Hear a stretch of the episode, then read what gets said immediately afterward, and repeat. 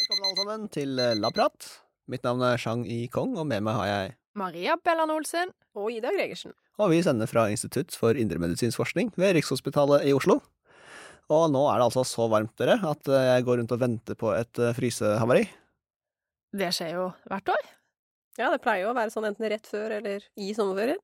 Helst når ingen er på jobb. Yes. Ja, og så flyter da prøver og vann utover hele gulvet. Det er jo eh, standard hver sommer, så er det et frysehavari. Ja, og det er jo litt krise, for nesten alt av biologisk materiale som vi oppbevarer, har vi jo i frysere. Mm. Og også ganske kalde frysere. Ja, det er jo minus 80 vi kjører der. Ja, Det er ganske kaldt. Men de tåler altså ikke varme så godt. Men det er kanskje ikke så rart. Nei, vi må jobbe noe veldig. Mm. Men altså, det, det går jo ikke hvert år. Sjang. Det høres ut som vi ikke har noe system i sysaken der oppe. Og vi har også alarm på det, og vakter som passer på. Ja. Så stort sett går det veldig bra. Men det det har skjedd flere ganger i historien. Det er alltid en frykt for at liksom Å nei, nå ryker Mm. den. Nå er det for varmt. Det er liksom baksiden av at det er varmt og godt. Men uh, hva er det vi har gjort uh, siden sist, da? Ja, jeg har brukt en del tid til å forberede meg til et uh, litteraturmøte vi skal ha. Mm. Um, og som jeg nevnte i en tidligere podkast, så driver jo mye med litteratursøk. Altså vi søker på nett om hva, som, hva, hva vet man fra før, egentlig, om det vi holder på med. Og noen ganger så trenger vi liksom å sette hodene våre sammen for å finne ut av problemer, da. Og da har vi sånne litteraturmøter der vi på en måte alle skal søke opp, de samme tingene, og så møtes vi og diskuterer. Og med deg, Maria? Nei, altså, vi har jo selvfølgelig gjort litt histo, som uh, alltid, Sjang. Mm. Uh, men jeg har også da mm, jobba og skrevet på et uh, manuskript som jeg håper blir ferdig snart. Mm. Så det er litt sånn mer um, covid, denne historien her, da. Ja, det må vi jo he helt sikkert snakke om en annen gang. Ja, men folk er ganske lei av covid, Ja, det er så. Det er kanskje det er litt deilig å- ikke snakker om nå. Ja, Ja, det er ganske deilig. Ja. Men vi må jo fortsatt forske litt på det, da. Nei, selv så har jeg eh, høstet en del eh, organer eh, siden sist. Eh, og det tar jo oss inn i dagens tema, som vi i grunnen har gruet oss litt til å snakke om. Ja, eh, det er jo mange som har sterke meninger om praksisen, og noen som på prinsipielt grunnlag er imot denne type forskning. Mm, ja, og det har vi egentlig veldig stor forståelse for, men i noen tilfeller som vi ofte støter på da i medisinsk forskning, så er vi faktisk helt avhengig av denne type studier. Og vi kommer liksom ikke utenom denne metoden, da. Nei, for um, biologien den er jo eh, så komplisert, og så er det mange faktorer som er eh, med, da, for eksempel i utviklingen av en sykdom, eller da i responsen av et medikament, så vi klarer oss eh, Vi klarer ikke å utføre de her vitenskapelige testene på noen annen måte. Nei, og, nå har vi jo gått litt rundt eh, grøten, eh, for det vi skal snakke om i dag, det er eksperimentelle dyreforsøk. Og nærmere bestemt da studier som inkluderer forsøksmus. Og vi må jo bare starte med å innrømme at eh, vi alle tre bruker jo forsøksmus i flere av våre prosjekter. Og selv om vi egentlig kjenner hverandre ganske godt, Ida Maria, så har vi aldri snakket om dette temaet på denne måten vi gjør nå. Så hva er egentlig deres forhold til bruken av forsøksmus? Ja, godt spørsmål. Jeg tenker det er liksom viktig å reflektere over, da. Eh, Jeg tror eh, før jeg begynte med forskning, så, så liksom Eller når jeg var barn, kanskje, så, så hørte man jo liksom sånn eh, Dette er ikke testet på dyr, og så tenkte man sånn Uff, må noe testes på dyr, liksom? At det føltes litt sånn fælt i at medikamenter Nei, ikke medikamenter, men um, sminke Mm. måtte, måtte liksom At man måtte bruke dyr for det. Men akkurat medisinsk forskning så tenker jeg at vi er, som vi har sagt, da, er helt avhengig av det for at det skal gå fremover. Um, og da er jeg egentlig innenfor alle de rammene og reglene vi har nå, ganske komfortabel med å jobbe med dyr, altså. Mm. Hva med deg, Maria? Altså, jeg vokste jo opp som en veldig dyreglad person. Jeg hadde mange dyr og var jo glad i det. Så eh, det her det har vært et litt sånn vanskelig tema for meg. Uh, Men så jeg har et sånn eksempel så har jeg alltid sagt til meg sjøl at min, min beste venninne i oppveksten, hun hadde kreft når vi var ungdommer. Og jeg har alltid tenkt at hadde det ikke vært for dyreforskning, så hadde ikke hun overlevd. Og det er, det er jo en realitet. At eh, den medisinske behandlingen vi har i dag, det har vi fordi vi har eh, hatt eh, dyreforskning, eller dyreforsøk, kunnet gjøre dyreforsøk.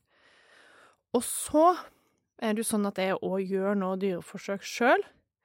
Og da tenker jeg òg igjen at det, det, er en fordel at jeg faktisk bryr meg om dyr, og at, jeg, at, jeg, at, at jeg vil at de skal ha det godt. At det er bedre at jeg gjør disse forsøkene enn noen da som kanskje ikke hadde brydd seg på samme måten. Så det tror jeg er viktig, at vi skjønner hvorfor vi gjør det, og at vi virkelig eh, bryr oss om de dyra vi, eh, vi har med å gjøre, da. Mm. Men er det sånn at det vi finner i dyr, kan vi da trekke en rett linje mellom det til mennesker? Nei, det er jo selvfølgelig et viktig poeng. Det er jo en del begrensninger i studier av mus også, for det, som du sier, så er jo ikke mus, eller som du indikerer, så er jo ikke mus og mennesker fra naturens side helt like. Så for eksempel, så er relevant for vår forskning, så er jo mus og mennesker veldig ulike i hvordan de frakter fettstoffer i blodet. Eh, og det gjør faktisk at vanlig mus er helt immune mot å utvikle atrosklerose. Det er jo ganske utrolig, egentlig, for allikevel så kommer nesten alt vi vet om sykdomsutvikling i atlosklerose fra musestudiet. Ja, det er litt rart. Men det kommer av at det som vi kaller, og her kommer det et skummelt ord, mutante mus, eh, som på grunn av eh, sin mutasjon har en mer sykdomsfremkallende sammensetning av fettstoffer i blodet. Jeg kan bare legge til her at ordet mutant i denne sammenheng bare betyr at musa har et, en eller flere gener som er litt annerledes enn vanlig mus. Men hvordan er det vi får disse mutantene, og hvordan vet vi egentlig at vi har å gjøre med en mutant mus? Noen av de her mutantene de er faktisk veldig gamle, og da var det ofte en tilfeldig mus, og som også et stort avlslaboratorium, som var litt annerledes enn de andre. Og de her er da tilfeldige mutasjoner som kan oppstå av seg sjøl i naturen. Og sjansen for det her er jo veldig liten, men i en stor avlslab så er det kanskje flere hundre tusen mus som avles over mange år, og da kan man jo få mutasjoner fra en tid til annen. Og om mutasjonen er interessant, så blir den avla videre på, og så kan man kan trekke paralleller til hunderase, hvor alle hunderaser er forskjellige mutanter av ulv. Ja, det er faktisk en veldig fin sammenligning. Men forskjellen fra da å velge ut egenskaper hos kjæledyr, som lydighet eller søthet hos hund, så har vi da altså valgt ut egenskaper som vi kan knytte opp til en sykdom. Mm. Og med nyere genteknologi så kan vi istedenfor å avle fram hundretusener av mus for å kanskje finne én tilfeldig mutant vi kan bruke, så kan vi lage akkurat den mutanten vi ønsker oss. Ja, så selv om noen kanskje ser på dette som at vi tukler med naturen, så er det faktisk en veldig stor seier for dyrevelferden at vi nå ikke trenger å avle fram masse dyr vi uansett ikke får bruk for. Og at vi nå kan, med da ny genteknologi, gå inn og lage den ene mutanten vi faktisk har bruk for. Og dette bringer oss jo fint inn på dette temaet med dyrevelferd, for selv om dyreforsøk både ser og høres fælt ut, så er vi som driver med forsøksdyr veldig opptatt av dyrevelferd. Absolutt. Vi er jo da veldig opptatt av å bruke så få dyr som mulig, men samtidig, og det høres kanskje litt rart ut når vi sier at vi er opptatt av dyrevelferd, så tar vi heller med oss noen ekstra individer når vi setter i gang et forsøk, for det, ting kan jo skje. Så hvis noen blir syke eller slåss og skader seg, for det er sånne hannmus, de kan jo være litt fæle til å slåss, mm. eh, og um, altså, det, altså det, For det verste som kan skje da, eh, på slutten av et studie, er at hvis vi ender opp med for få dyr, eh, sånn at du ikke har nok statistisk grunnlag for å gjøre noen konklusjon, det er jo det kjedeligste, fordi da må man jo forkaste hele forsøket, og alle dyra vi har brukt, de har gått tapt.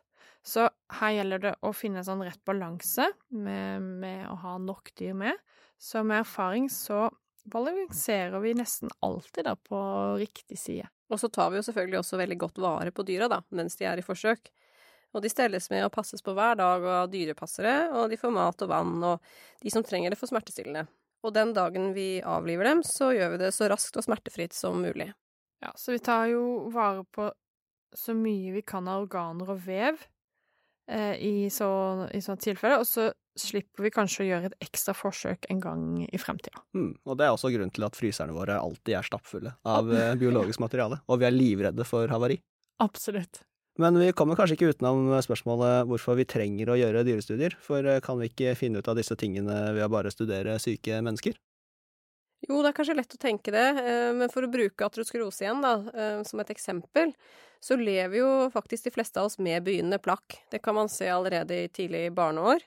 Men det er først når sykdommen har kommet så langt at den liksom gir et problem eller symptomer, at man går til legen, da. Så uten forsøksdyr og kontrollerte forhold, så hadde vi kanskje aldri greid å studere den tidlige sykdomsutviklingen da, i atrosklerosen. Nei, det er jo egentlig et helt utrolig verktøy vi sitter på. Eh, men det er ikke sånn at hvem som helst, heldigvis, eh, kan drive med dyreforsøk. Og det er eh, heller ikke sånn at vi som forsker på det, kan gjøre akkurat som vi vil. For det er et system som passer på hva forskerne ønsker å gjøre også. Ja, i Norge så er det jo Mattilsynet som gjør det. Så hver gang vi skal gjøre et uh, dyreforsøk, så må vi jo sende søknad til mat, Mattilsynet. Vi syns, jo kanskje at det blir ganske mange søknader, men det er jo veldig viktig. Uh, for da er det et utvalg der som vurderer om det vi tenker å gjøre, om det er godt nok vitenskapelig grunnlag for å gjøre det vi skal gjøre. Og så må vi òg vise at vi har tenkt på dyrevelferd.